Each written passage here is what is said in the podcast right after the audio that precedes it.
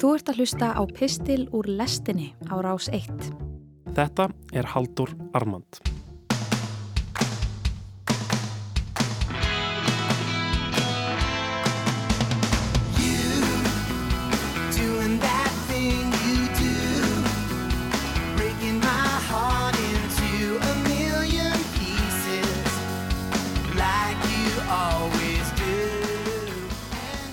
Árið 1996 kom út bíómynd sem heitir That Thing You Do og fjallar um uppskáldaða One Hit Wonder hljómsveit á sjönda áratugnum. Á Wikipedia sé ég að myndin var frumraun Tom Hanks sem leikstjóri en hann leikur einmitt umbóðsmann hljómsveindarinnar The Wonders. Titill myndarinnar er líka titillin á læginu sem skýtur The Wonders upp á stjörnu himinin That Thing You Do. Myndin fjallar svo um, nema hvað, hvernig hljómsveitar meðlumirnir glíma við upphefðina og fræðina sem vitaskuld leggur að lokum The Wonders í rúst.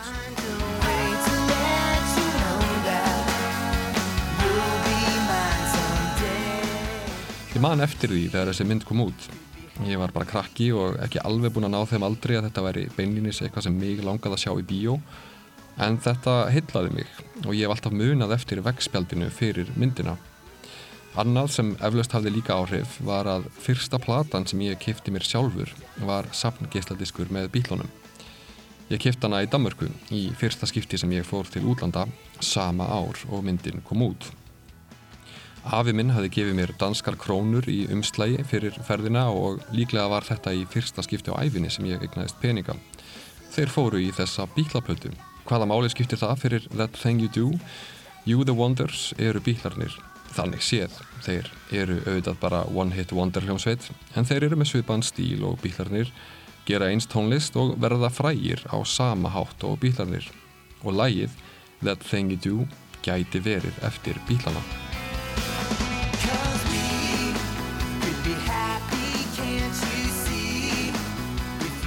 Það er í stuttumáli fáránlega gott lag, í rauninni hið fullkomna poplag, handverkið óöðfinnanlegt, laglínurnar eru ómótstæðilegar, hljómagangarnir lítalöysir, textin beint í mark og svo frámegis. Ég fekk þetta lag algjörlega heilan þegar ég heyrði það fyrst. Ég sá samt ekki myndina fyrir en nokkrum árum síðar, en það sem mér fannst algjörlega lígilegt, einlega ótrúlegt, þar sem ég satt inn í hjá mér, hlustaði á bílana og spilaði Sonic á segatalunni minni, var að einhver skildi geta samið svona lag eftir beðni fyrir bíómynd. Þetta var bíómynd um One Hit Wonder hljómsveit sem þýtti að hljómsveitin varð að spila lag í myndinni sem var sannfærandi alheims smellur.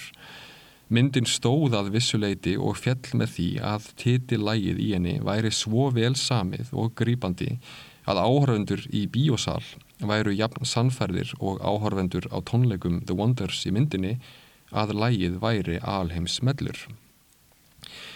Hverju ósköpunum gat samið svona lag eftir beðni bara? Var þetta ekki það sem alla lagahöfunda dreymdi um að geta? Semja lag sem öll heimsbyðin fekk á heilan? Var þetta ekki hinn heilagi grálur poptónlistarmannsins? Já, hverju ósköpunum hafði geta hrist svona lag fram úr erminni eins og ekkert væri bara vegna þess að Tom Hanks vantaði lag í bíómyndina sína? Það vil svo til að maður heyrir í höfundinum í læginu sjálfu. Hann er Háa Bakuröddin. Hann heitir Adam Schlesinger og var algjörlega óþægtur maður um þrítugt þegar myndin kom út. Einhvern veginn komst ég á snóðir um að þetta væri höfundur lagsins. Setna komst ég að því að hann var bassalegaran í hljómsveit sem hétt Fountains of Wayne. Það var svona virt en ekkert sérstaklega fræg rockhljómsveit. Árið 2003 átti hún smellin Stacy's Mom, hálgert grínlag um úling sem gyrnist móður vinkonu sinnar.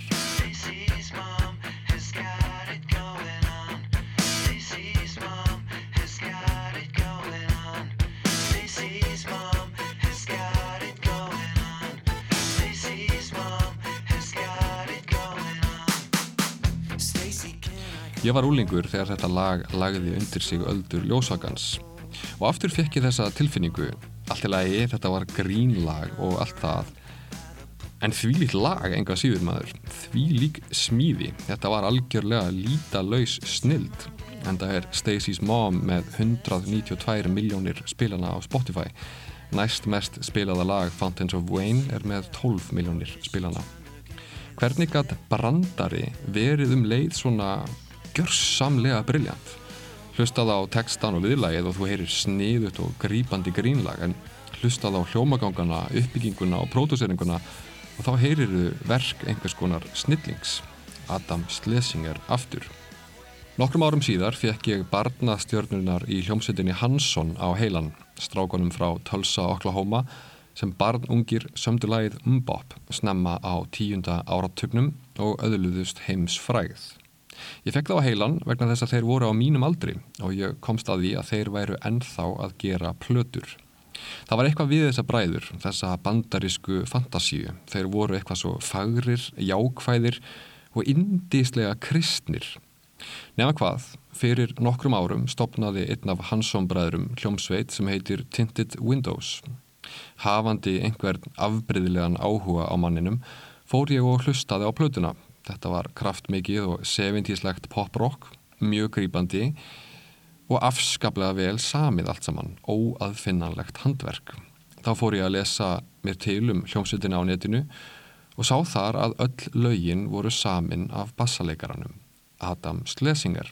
Þarna var hann komin eins og enn og aftur þessi tótt, ómótstæðilega grípandi lög en með þessum ótvíræða keimi af hrigð og sorg sem gáði þeim innri tókstreitu og þar með dýft. Hvað var það eiginlega við þennan náunga? Ég vissi ekkert um hann og fyldist ekki skipulega með því sem hann gerði. Þetta voru engan veginn uppáhalds hljómsveitirnar mínar. En samt var hann sífælt að gera eitthvað sem ég fekk áhuga á. Það var eins og það væri eitthvað í eðli sköpunarverka hans sem allir því að þau komu alltaf fram á menningar ratsjáni minni. Snillingurinn sem samti alþjóðlegan popsmell eftir pöntun, gaurinn í Fountains of Wayne, náungin sem samti öll lögin fyrir Tinted Windows. Engver lagahöfundur í bandaríkjónum sem enginn hefur heyrt um og svo ég, bara einhver náungi á Íslandi sem einhvern veginn fekk óhjákvæmilega áhuga á öllu sem hann kom nálægt, án þess að vita fyrirfram að hann væri að verki. Af hverju er ég að tala svona lengi um Adam Schlesinger, mann sem yfirgnæfandi meirulhiti hlustenda hefur aldrei heyrt um? Vegna þess að hann dó úr COVID-vírusnum 53 ára gamal og það fylgti mig sorg að heyra það. Ég var ekki með plaggat af þessum manni upp á vegg þegar ég var úlingur og ég sóttist aldrei eftir því að fara á tónleika með hljómsveitunum hans og ég las mér aldrei neitt sérstaklega til um hann. En hann var eins og korktappi sem skust sífælt á nýjan leik upp á yfirborðið fyrir mér.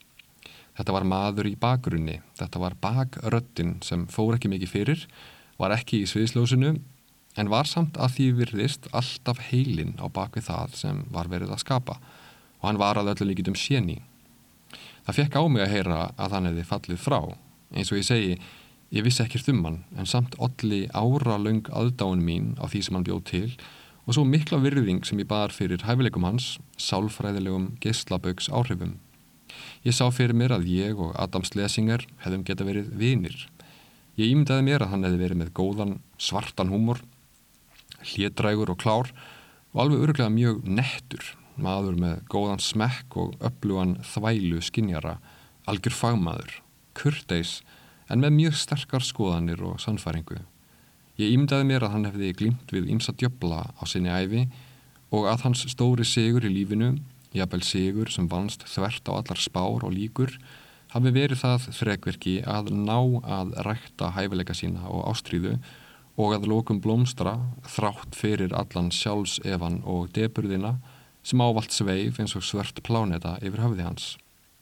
Þetta er ekki byggt á neinu, það stendur ekki stein yfir steini hérna. Þessar setningar leysist upp í rík og hverfa um leið og þær hafa verið sagðar. Þetta er bara svo ímyndun sem aðdáin mín á honum framkallaði. Ég heyrði af dauða Adams á jafn handáskendanhátt og ég heyrði lögin hans. Ég var að hlusta á bandarískan reytöfund tala í hlaðvarpi og skyndilega fór hann að tala um Adams lesingar og sagði í uppnámi að hann væri dáin. Það kom á daginn að hann hafði lengi fylst með og dáðst að Adam úr fjarlægð eins og ég af sömu ástæðu og ég fann fyrir sérkennilegri aðdánar tengingu millokkar. Við áttum þetta sameigilegt að það var dáðist að manni sem var ekki frægur og hafði ekki rauðstinn í líf okkar á sama óvið ráðanlega hátinn og stjörnur gera en hafði skapa list sem snerti við okkur þannig að okkur var ekki sama um hann. Maður sem var nú dáin úr pláinni sem otti því að við vorum báðir lokaðir inni hjá okkur, hvor í sinni heimsálfunni, báðir að hlusta á hitt angurværa All Kinds of Time með Fountains of Wayne.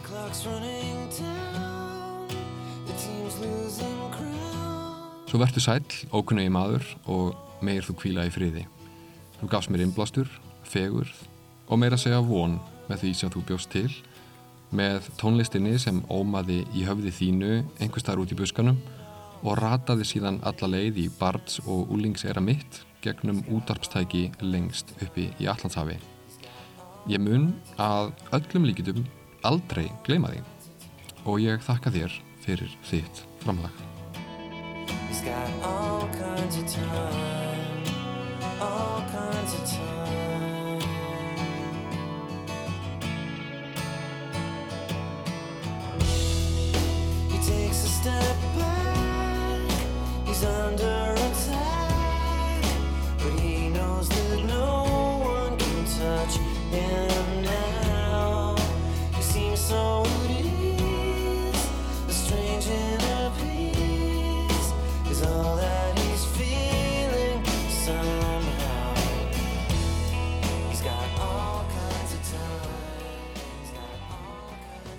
Þú varst að hlusta á Haldur Armand, nýr pistill frá Halduri, hljómar á hverjum þriðu degim í lestinni á rás 1. Ef þú fílaðir þennan pistil og vilt heyra meira, getur gerst áskrifandi að lestinni hér í hlaðvarpsappinu þínu. Rás 1 fyrir forveitna.